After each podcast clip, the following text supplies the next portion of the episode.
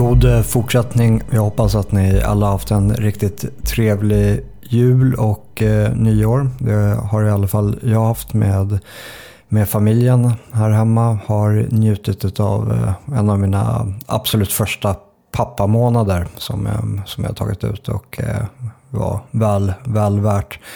Jag är också nyss hemkommen från eh, Sydafrika. Har varit där nere och arbetat som, eh, tillsammans med en antitjuvskyddsenhet i Krügerparken som, eh, som volontär. Och jag kommer åka ner igen nu till Sydafrika i slutet av januari. Så ni kommer att få se en hel del mer reportage, poddar, intervjuer och annat som hör Sydafrika till det här de kommande månaderna. Vill ni komma ner och eh, uppleva Sydafrika så har vi också en resa inplanerad här i slutet av februari, sista veckan i februari, första veckan i mars under sportlovsveckan. Då vi åker och eh, besöker en del kulturella, historiska och andra intressanta utifrån, utifrån vårt perspektiv politiska eh, resmål, däribland eh, Orania.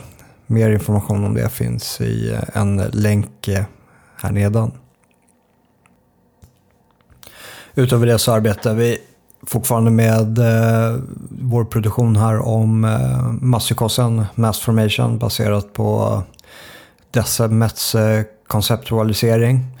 Det finns eh, ja, likt många andra så här äh, projekt, i synnerhet som är ganska samhällsorienterande, är att man får dras med en hel del av vad man kan säga information overload. Det finns äh, extremt mycket information att ta, det finns många infallsvinklar.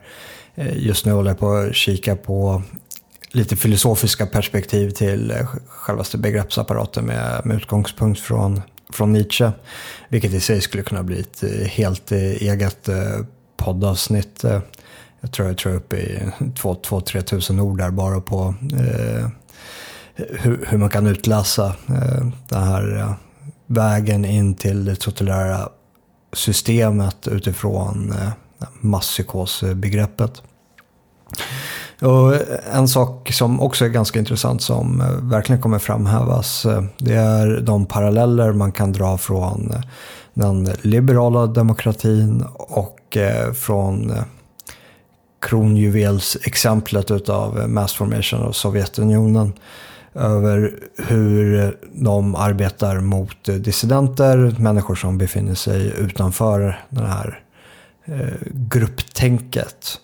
Och eh, det är en utmaning för staten att eh, hantera dissidenter i det här avseendet. Eh, och som vi själva har sett på vår Freedom Fest, de här frihetsdemonstrationerna, inte bara i Sverige utan i eh, hela västvärlden är att eh, vad som verkligen har eh, kategoriserat dem har varit att de har varit svårkategoriserade när det kommer till grupptillhörighet. Utan det är människor från alla möjliga olika former av bakgrunder som, och, som vanligtvis hör hemma i olika delar av det politiska spektrumet som gör gemensam sak och talar upp eh, mot eh, de här totalitära tendenserna som kom under pandemiåren. Och det var ju någonting som Desmet också gick in ganska in på djupet med när han eh, gjorde den här uppdelningen att ja, men, vi har i runda slängar eh, när vi träder in i en mass formation, när folk slängs in i ett grupptänk så är det ungefär 30% som eh, Eh, sveps med där och eh, förmedlar budskapet eh, vidare som kommer från eliten och de tror själva på det och de hänger sig till det fullo. Och sen har du 40% som bara försöker leva sitt, sitt liv och flyter med. Och de flyter då troligtvis med den part som talar med en röst, vilket de här första 30 procenten gör för de kommer liksom med medienarrativet och etablissemangsnarrativet. Och sen har de återstående 30 procenten som inte riktigt går att kategorisera för de kommer från alla möjliga håll och kanter och eh, det är svårt för dem att få gehör just på grund av att eh, det är en sån spridd grupp så de talar liksom inte riktigt med, med en röst. Men det gör det också svårt för eh, staten att eh, hantera den här oppositionen. Eh, speciellt när det inte är eh, ett samhälle som vi lever i där man prisar det öppna samtalet utan Eh, Eh, man ser det här som eh, en eh, att, att det hotar makten, att eh, man påpekar att kejsaren är naken i vissa, vissa avseenden och det här ska då pressas ner och ett sätt för dem att göra är att utestänga oss från sam samtalet, vilket Eh, de gör med flera olika möjliga metoder.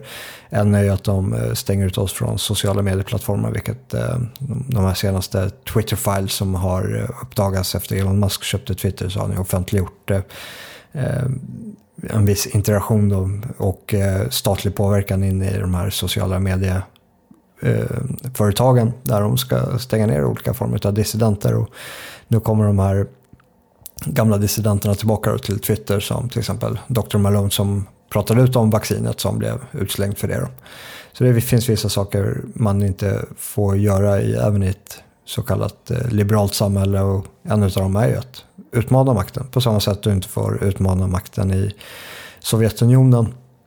Och problemet för vår stat att eh, hantera det här är ju för att det är inte en organisation de möter, det finns ingen du kan infiltrera, det finns ingen, inget ledarskap som de kan fängsla för att eh, kuva de här dissidentrösterna.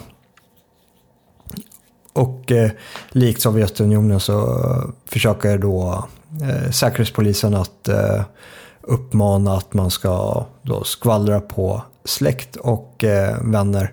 Vilket eh, vissa länder är ju långt mycket värre än eh, andra och det finns vissa länder man definitivt ska kolla på för man vill se utvecklingen i västerlandet och eh, var de här eh, krafterna vill eh, dra vårt samhälle. Och det är ju de länderna som är mest uppslupna av till exempel eh, World Economic Forums eh, inflytande och det är Kanada, eh, Nederländerna, Nya Zeeland med flera. Eh, däribland självklart eh, USA, även fast eh, USA verkar ha mer barriärer för, för de här krafterna att få samma genomslag som de har fått i, i de här länderna. Och då har eh, den eh, nya zeeländska säkerhetspolisen gått ut nu med en eh, guide som är till för att hjälpa till medborgarna att identifiera tecken hos eh, familjemedlemmar, vänner som är över om eh, de riskerar att eh, bli våldsamma terrorister. Och ett av de här tecknen är att man till exempel ifrågasätter government policies rörande pandemin och covid. Och det är här man hamnar när man eh, sluts eh, med i den här masspsykosen. Att eh, man är beredd att ringa myndigheterna för att eh, någon vid julbordet har eh, kanske ställt sig frågan om att ja, men, eh, tog vi inte eh, den här massvaccineringspolicyn med utgångspunkt över att det skulle stoppa spridningen och nu är det bevisat att det inte stoppar spridningen och det verkar komma med väldigt många allvarliga biverkningar rörande vaccinet. Ja, då ska man kanske ringa myndigheterna och säga att ja, men här har vi någon som inte är rättstrogen och eh, följer narrativet till, till fullo. Och det belyser också en enorm eh, gaslightning eh, operation från samhället där det råder en fullständig mediatystnad kring, kring de här sakerna. Att eh, det är som att det aldrig har hänt, det har aldrig sagts. Och eh, ingenting som man ska undersöka vidare i. Och eh, en, en, del kan till och med tala sig öppet om det, att ja, men om vi börjar undersöka det här så riskerar vi demokratin. Och då får vi det som eh, vi eh, hade det under eh, Sovjet. Eh, där eh, grannar golar på grannar till KGB. Där eh, babushkas sitter vi. Babushkas är eh, Eh, ryska för tant.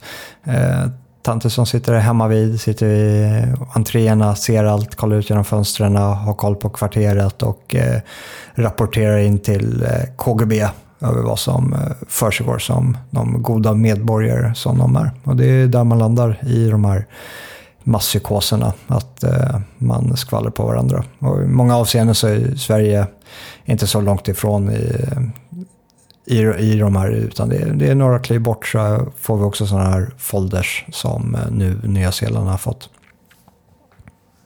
Så det är, det är en eh, viktig film, viktiga saker att eh, belysa och eh, ja, vill ni vara med och stötta oss i vårt eh, produktionsarbete så är det varmt välkommet och det bästa sättet att eh, göra det på är att eh, skriva upp sig på, på Substacken, jonasnilsson.substack.com och eh, bli månadsprenumerant.